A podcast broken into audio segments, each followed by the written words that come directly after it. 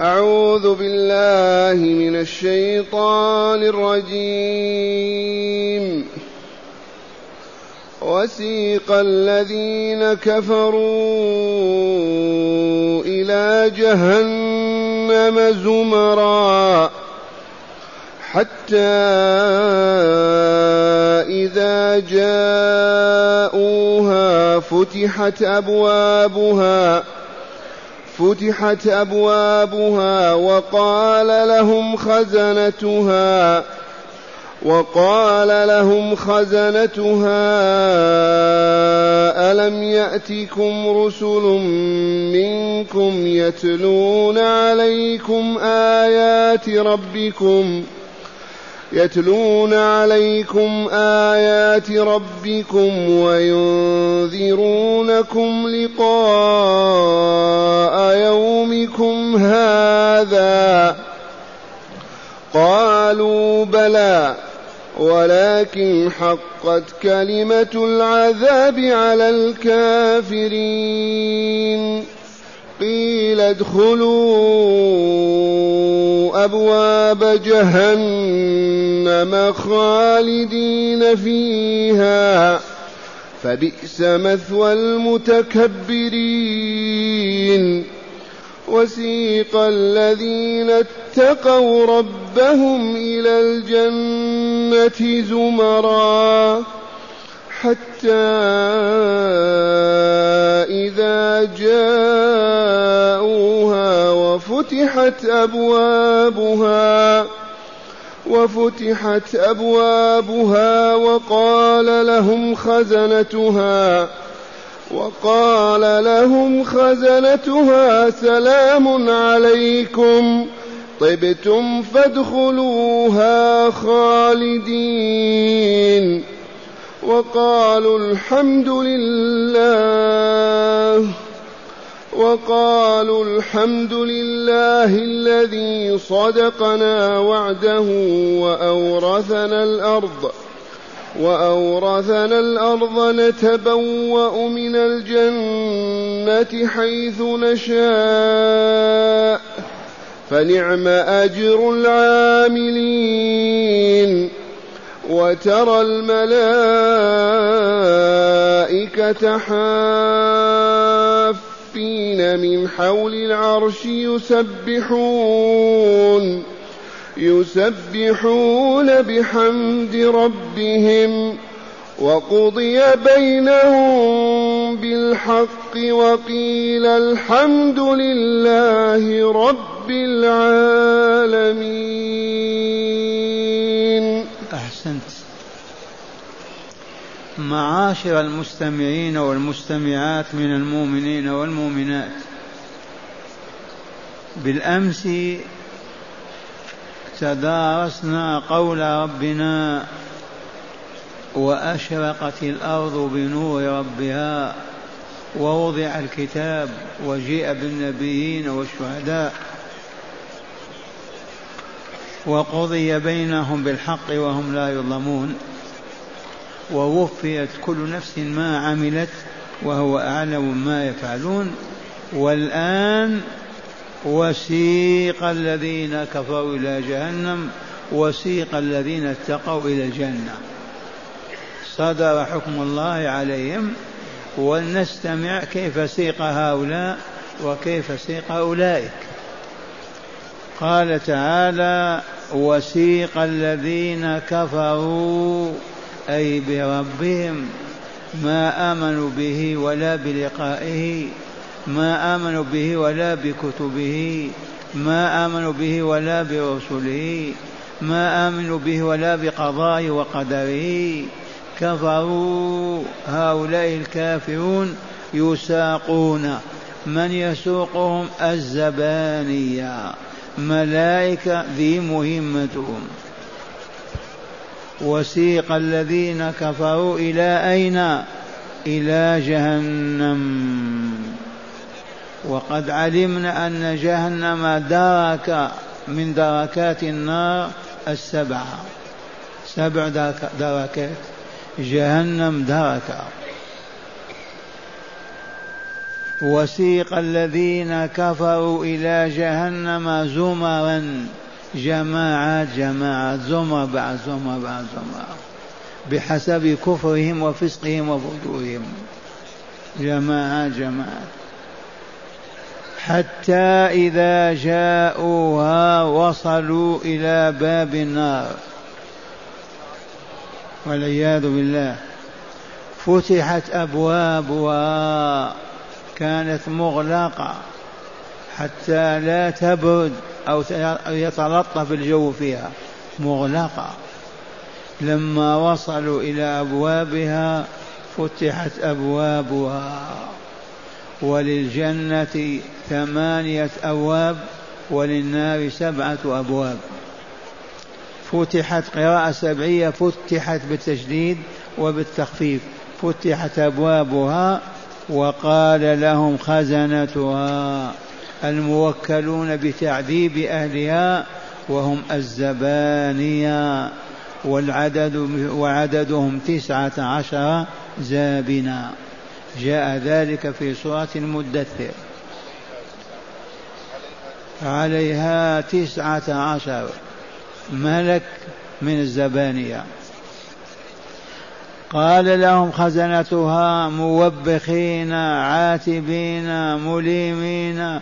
ألم يأتكم رسل يتلو يتلون عليكم آيات ربكم وينذرونكم لقاء يومكم هذا؟ كيف تكفرون حتى تأتوا إلى جهنم؟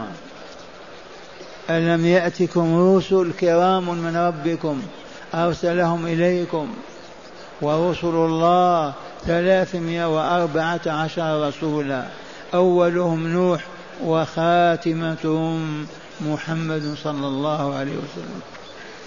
ألم يأتكم رسل منكم يتلون عليكم آيات ربكم يقرؤونها ويسمعونكم ما فيها من بيان الحق والباطل والخير والشر والكفر والإيمان وينذرونكم عواقب ويخوفونكم عواقب هذا.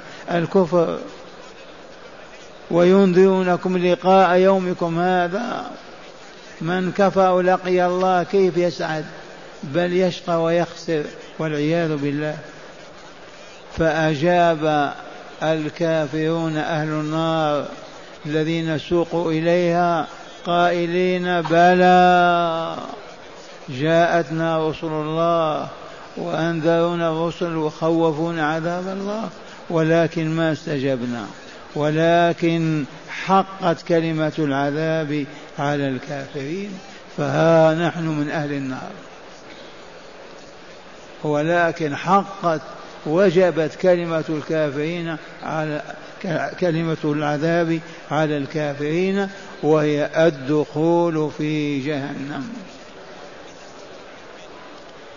هذا فوج فوج الكفار وهو أفواج زمر دخلوا النار والآن مع أفواج الإيمان وصالح الأعمال. فقال تعالى وقوله الحق وسيع. نعم. قيل ادخلوا أبواب جهنم خالدين فيها فبئس مثوى المتكبرين. قالت الزبانية لهم ادخلوا أبواب جهنم خالدين فيها فبئس مثوى المتكبرين. من هم المتكبرون الذين تكبروا عن الله؟ ما آمنوا به ولا بلقائه ما عبدوه ما عبدوه وحده ما أطاعوه ما استجابوا له وهم متكبرون. إذا بئس المنزل منزلهم والمقام مقامهم. والمثوى مثواهم هكذا يقول تعالى ولكن حقت كلمة العذاب على الكافرين قيل لهم ادخلوا أبواب جهنم خالدين فيها فبئس مثوى المتكبرين. صفة التكبر صفة ذميمة. حتى ولو كنا مؤمنين صالحين يجب أن تنتزع هذه الصورة أو هذه الصفة من قلوبنا. لا نتكبر أبدا لا نترفع لا نعرض عن الإنسان لا نقبل على الناس لا بد وأن نكون متواضعين. أما هؤلاء المتكبرون تكبروا على الله فلم يؤمنوا به ولم يخافوا ولم يرهبوه ولم يطمعوا فيه ولم يرجوه في كبرياء هذا مصيرهم. مثوى المتكبرين في جهنم والعياذ بالله تعالى. وسيق الذين اتقوا ربهم إلى الجنة زمرا زمرة العلماء زمرة الشهداء زمرة الأولياء زمرة أهل الصلوات زمرة أهل الزكوات. جماعة جماعة بحسب صلاحهم في هذه الحياة. وسيق الذين اتقوا ربهم اتقوا ربهم. كيف اتقوه؟ اتقوه بماذا؟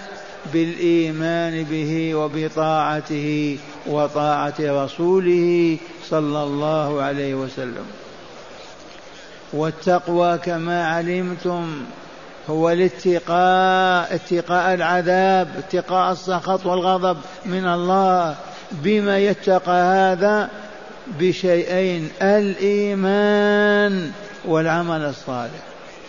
من آمن وعمل صالحا اتقى عذاب الله وجعل بينه وبين عذاب الله وقاية.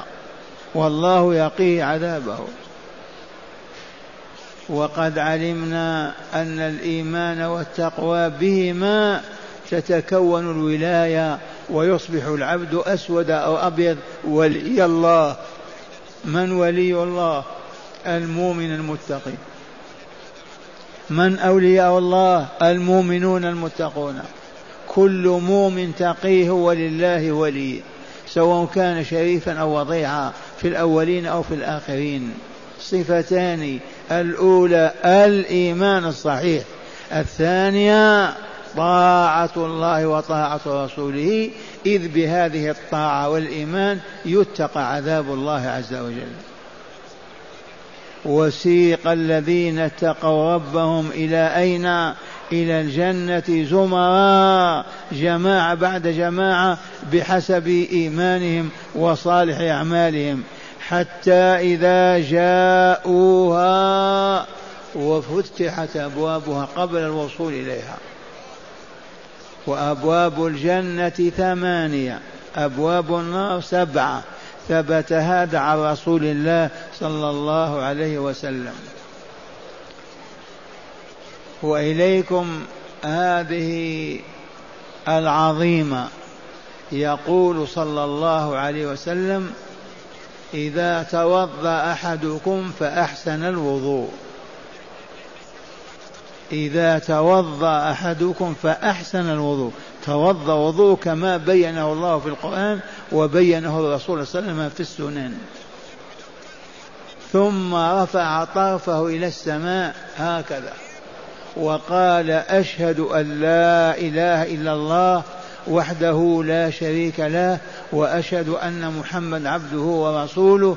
اللهم اجعلني من التوابين واجعلني من المتطهرين. فتحت له أبواب الجنة ثمانية. هذه والله لا تساوي الدنيا بما فيها. وأكثر إخواننا وأبنائنا ما يعرفونها إذا توضأت للصبح أو للظهر أو لأي وقت أو لتلاوة كتاب الله إذا توضأت أحسن وضوءك. تعلم كيف تتوضأ والوضوء سهل مبسط كما هو معروف الكل يحسنه. فإذا أحسنت وضوءك ارفع رأسك إلى السماء واشهد هذه الشهادة وادعو هذا الدعاء. أبواب الجنة آليا تفتح. لو كنت عندها والله لدخلت. إذا توضأ أحدكم فأحسن الوضوء. ثم رفع طرفه إلى السماء وقال أشهد أن لا إله إلا الله وحده لا شريك له وأشهد أن محمدا عبده ورسوله. اللهم اجعلني من التوابين واجعلني من المتطهرين. إلا فتحت له أبواب الجنة الثمانية. لو كان أمامها لدخل. ومن اللطائف نقول الآن كيف تفتح أبواب الجنة وهو ما وصل إليها. فنقول عندنا في المطارات قبل ما تصل الباب يتفتح الباب وحده. وجدت رأيتم هذا وإلا لا؟ أنت بعيد من الباب ما إن يراك أو يشم رائحتك أو يشعر بذاتك ينفتح الباب. آليا. وسبحان الله. كنا نؤمن فقط إيمان أخبار الرسول صدقنا. الآن اللي يكذب بهذا لا عقل له وهو يشاهد نظيره في الدنيا. إلا فتحت له أبواب الجنة الثمانية يدخل منها حيث شاء. والشاهد في هذا في أن أبواب الجنة ثمانية. وسيق الذين اتقوا ربهم خالقهم مالك أمرهم. اتقوه بماذا أطاعوه ما عصوه.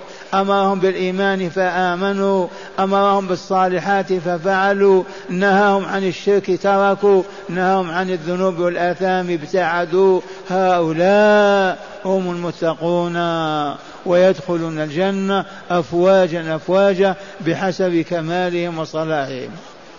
ليسوا في مستوى واحد.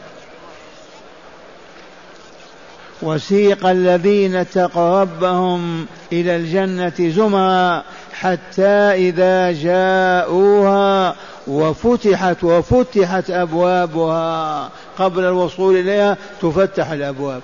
تفتح الآن لنا. ما عرفنا الآن كيف تفتح؟ توضأ أحسن الوضوء أرفع رأسك واشهد هذه الشهادة تفتح لك أبواب الجنة. كأنك أمامها. وفتحت أبوابها وقال لهم خزنتها الموكلون باستقبال المؤمنين والتأهيل لهم والترحيب بهم وإنزالهم في منازلهم.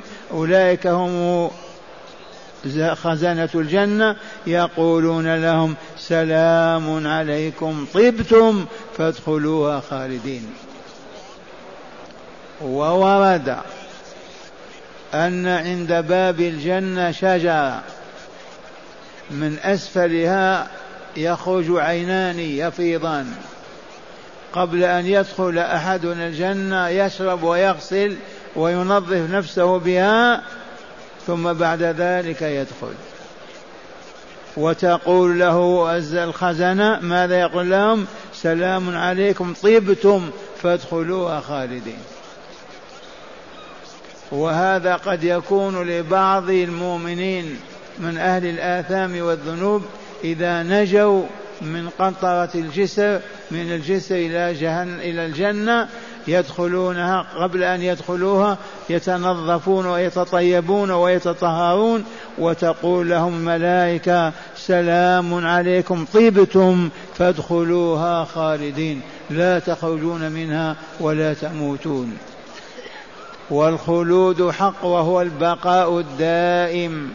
والله من دخل الجنة ما خرج ما خرج منها قط. ولا مات ولا مرض ولا كبر ولا ولا حياة خلد سعادة أبدية. الذي أوجد هذه الحياة اللطيفة الضعيفة أوجد حياة أعظم وأتم وهي الخلود في الجنة. سلام عليكم طبتم طهرتم نظفتم فادخلوها أي الجنة خالدين فيها لا تخرجون منها ولا تموتون فيها. ماذا قال داخل الجنة الداخلون؟ قالوا الحمد لله الذي صدقنا وعده وأورثنا الأرض نتبوأ من الجنة حيث نشاء فنعم أجر العاملين. اسمعوا ما تقولون يا أهل الجنة. ماذا قالوا لما قالت لهم الخزنة سلام عليكم تفضلوا طبتم فادخلوها خالدين بما أجابوا؟ قالوا الحمد لله الذي صدقنا وعده. أما وعد الله المؤمنين الصالحين بالجنة؟ وعد الله الحق الصدق. وعدهم. واسمعوا اليمين التي حلفها والعصر إن الإنسان لفي خسر إلا الذين آمنوا وعملوا الصالحات وتواصوا بالحق وتواصوا بالصبر. هذا وعد الله. يدخلون الجنة لا يخسرون أبدا. الحمد لله الذي صدقنا وعده وأورثنا الأرض أرض الجنة. لما قالوا أورثنا الأرض؟ أليست دار أبيهم وأمهم؟ الجنة ما هي دار آدم وحواء؟ ما كان فيها يسكنان بها؟ إذا رجع إلى دار أمه وأبيه ورث وإلا ورث. عرفتم هذه؟ قالوا أورثنا الأرض. أرض الجنة.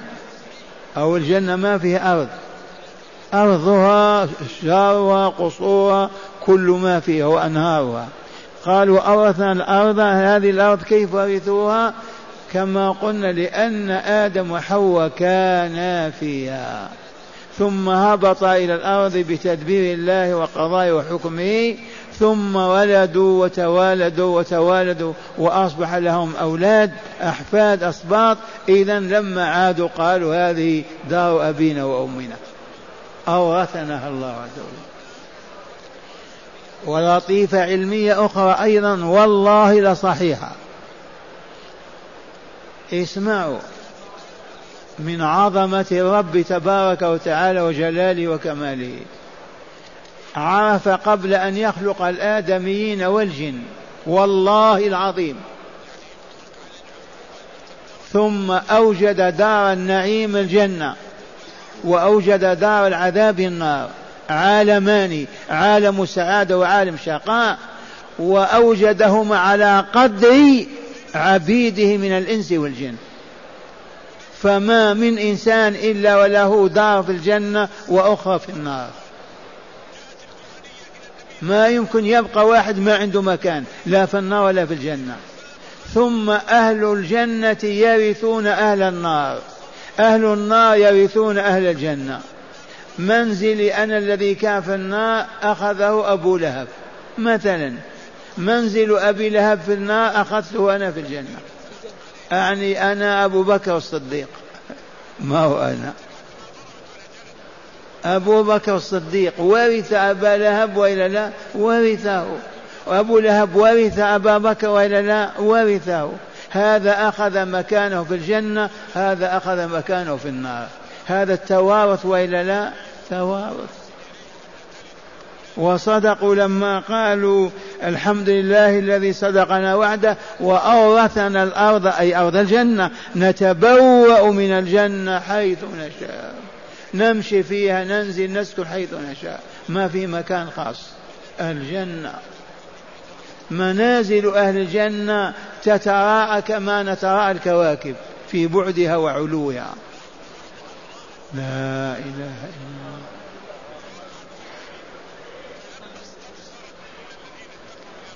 تأملوا أرفع رأسك وانظر إلى أين تنتهي. سماء.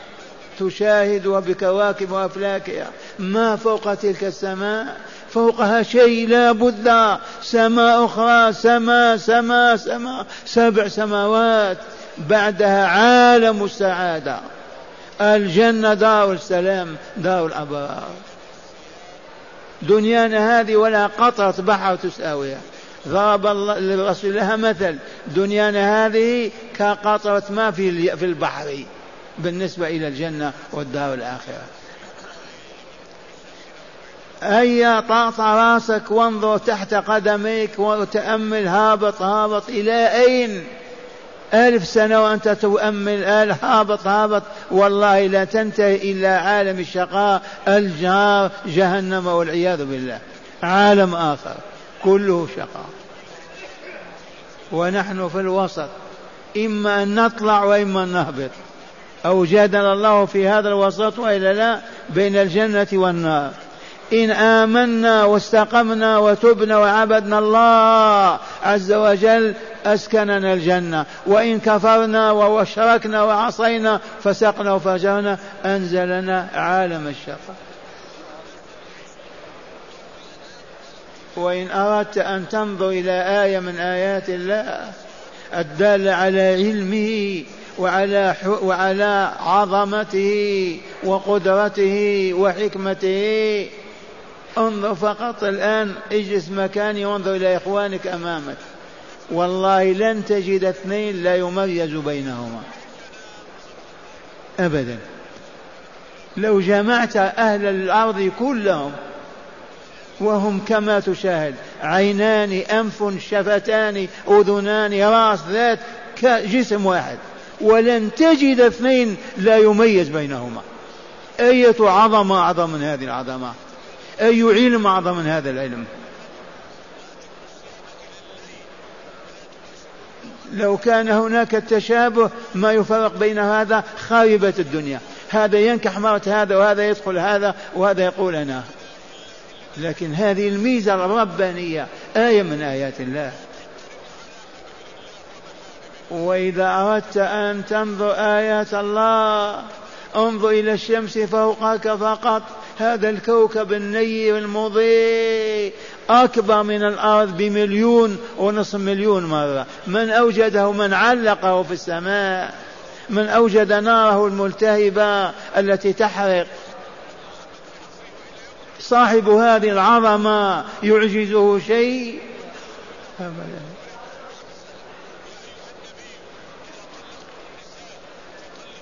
وسيق الذين اتقوا ربهم إلى الجنة زمرا. لماذا زمر؟ لأنهم يتفاوتون في الأعمال الصالحة. ليسوا مستواهم واحد. أصحاب رسول الله منهم أربعة فوق كل صحابي. عشرة مبشرون في الجنة وهكذا. أهل الحلقة هذه متفاوتون في صالح أعمالهم. فيدخلون أفواجا.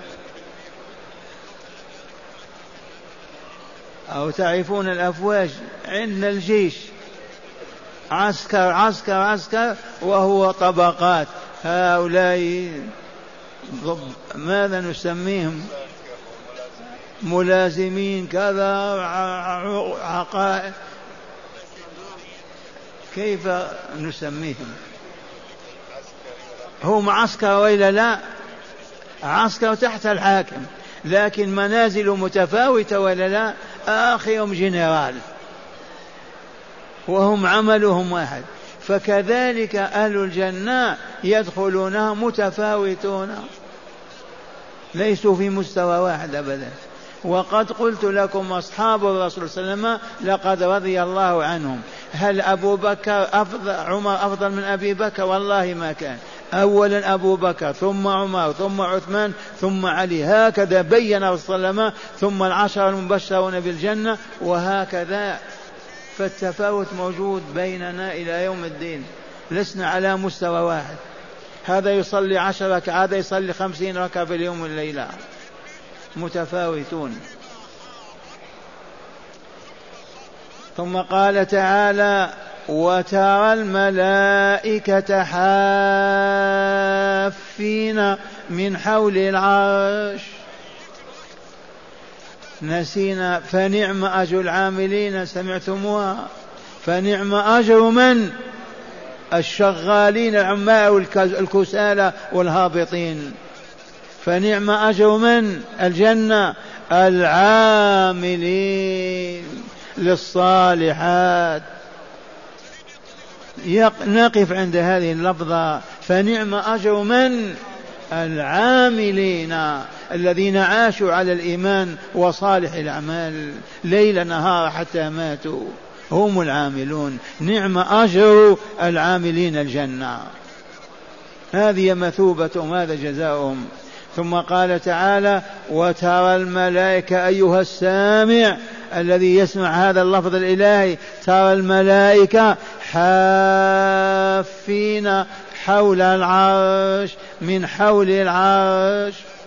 العرش هو السرير سرير الله عز وجل الذي استوى عليه يدبر الكون والملكوت. هذا هو السرير هو العرش. حوله ملائكة حملة العرش يسبحون الله بحمده سبحان الله وبحمده طول الدهر. وترى الملائكة حافين من حول العرش يسبحون بحمد ربهم. يسبحون بحمد طول الدهر. لا يفترون من التسبيح أبدا. ذي مهمتهم. وحملة العرش ثمانية. وهؤلاء حول العرش يحفون به يطوفون يدورون عليه. وهو وسطهم. والعرش اسمعوا آية البقرة. قال تعالى وسع كرسيه السماوات والأرض. لله كرسي. هذا الكرسي لو أخذنا السماوات السبع والأراضين السبع وألصقنا أرض بأرض وسماء بسماء ووضعنا الكرسي والله للكرسي أوسع منه. وسع كرسيه ماذا؟ السماوات والأرض وإلا لا؟ كيف يسعها لو أخطناها خيطناها سماء إلى سماء أرض الأرض ووضعناها فراش واحد ووضعنا الكرسي. والله لكان الكرسي أوسع. لا إله إلا الله. أين هذا الشيء؟ انظر فوقك إلى متى ما الذي تنتهي إليه؟ ومن الأمس طاوى الله السماوات بيمينه والأرض في قبضته لا سماء ولا أرض أبدا ولكن جنة عالم السعادة وعالم الشقاء. ونسبة العرش الكرسي إلى العرش كما يقول ابن عباس العلماء كحلقة ملقاة في أرض فلات إذا كان الكرسي وسع السماوات والأرض. العرش أعظم من الكرسي وإلا لا السرير عندكم أوسع من الكرسي وإلا لا إذا إذا كان الكرسي هكذا والعرش كيف؟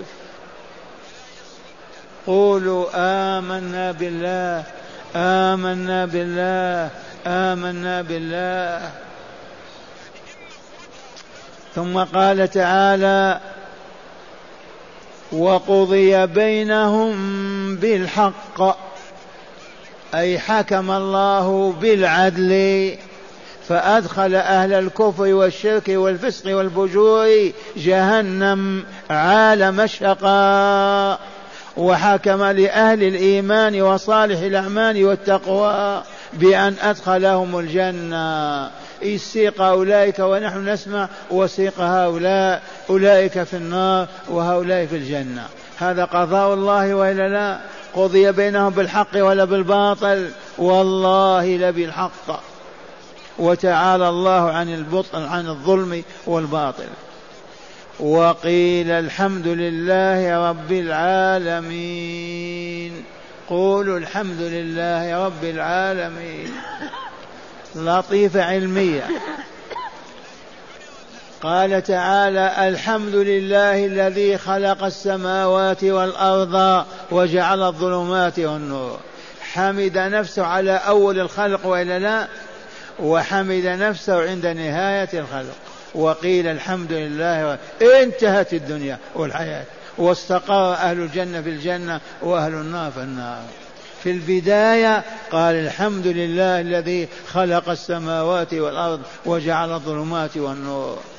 لما انتهت الحياة بكاملها واستقر أهل الجنة في الجنة وأهل النار في النار قال الحمد لله رب العالمين. قولوا الحمد لله رب العالمين. وقد درسنا وتعلمنا أننا مطالبون بحمد الله في كل ساعة بل في كل لحظة لا يفارق ألسنتنا كلمة الحمد لله الحمد لله على نعمه على آلائه على إفضاله. وهبنا أسماعنا أبصارنا قلوبنا أيدينا أرجلنا أبناءنا نساءنا سماء بناها فوقنا أرض بسطها لنا خلق لنا الأطعمة على اختلافها الفواكه الخضر كيف ما نقول الحمد لله؟ الحمد لله الحمد لله. اللهم اجعلنا من الحامدين الذاكرين الشاكرين. وصلى الله على نبينا محمد وآله وصحبه أجمعين مع هداية الآيات. بسم الله والحمد لله والصلاة والسلام على خير خلق الله سيدنا ونبينا محمد صلى الله وعلى آله وصحبه.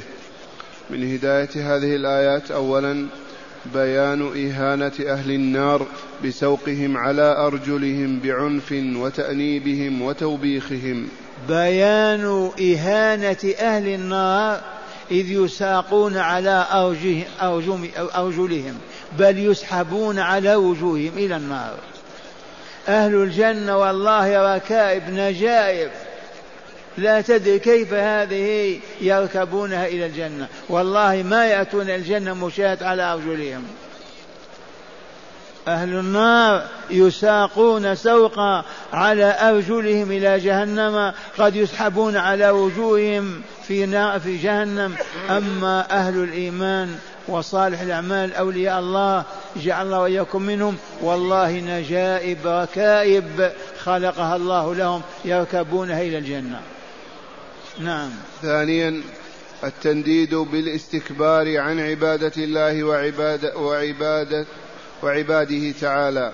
التنديد بالكفر والكافرين الاستكبار والمستكبرين الظلم والظالمين. ندد الله بهم والعياذ بالله. ولا نمشي وراءهم ولا نصاحبهم ولا نحبهم ولا نكون إن شاء الله منهم. نعم. ثالثا بيان إكرام الله تعالى لأوليائه إذ يحملون على نجائب رحالها من ذهب إلى الجنة ويلقون ويلقون فيها تحية وسلاما تحية احترام وإكرام وسلام أمان من كل مكروه. أعد لنا ذلك بأعلى صوتك. بيان إكرام الله تعالى لأوليائه. بيان إكرام الله تعالى لأوليائه. من هم أولياؤه؟ قولوا نحن. نحن أولياء الله لسنا بأعداء الله آمنا واستقمنا على منهج الله. نحن أولياء الله. لا تخف أبدا. اسمع ما لأولياء الله.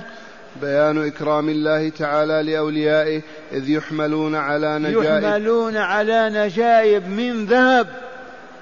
ركائب. ما هي من هذه الركائب الإبل والبقر عندنا والخيول؟ نجائب من ذهب وفضة يركبون عليها إلى باب الجنة ويستقبلوهم ملكة الخزنة. نعم. ويلقون فيها تحية وسلاما تحية احترام وإكرام وسلام أمان من كل مكروه. رابعا بيان نهاية الموقف باستقرار بيان نهاية الموقف. بماذا؟ باستقرار أهل النار من الكفار والفجار في النار واستقرار أهل الإيمان في الجنة. واستقرار أهل الجنة من المؤمنين الأتقياء الأبرار في الجنة دار الأبرار. نعم. وأخيرا ختم كل عمل بالحمد. فقد ابتدأ الله الخالق بالحمد فقال الحمد لله الذي خلق السماوات والأرض وختم بالحمد وقيل الحمد لله رب العالمين. يبدأ العبد عمله بالحمد لله ويختم بالحمد لله كما فعل الله عز وجل ائتساء بالله تبارك وتعالى بدأ الخلق بالحمد لله وختمه بالحمد لله.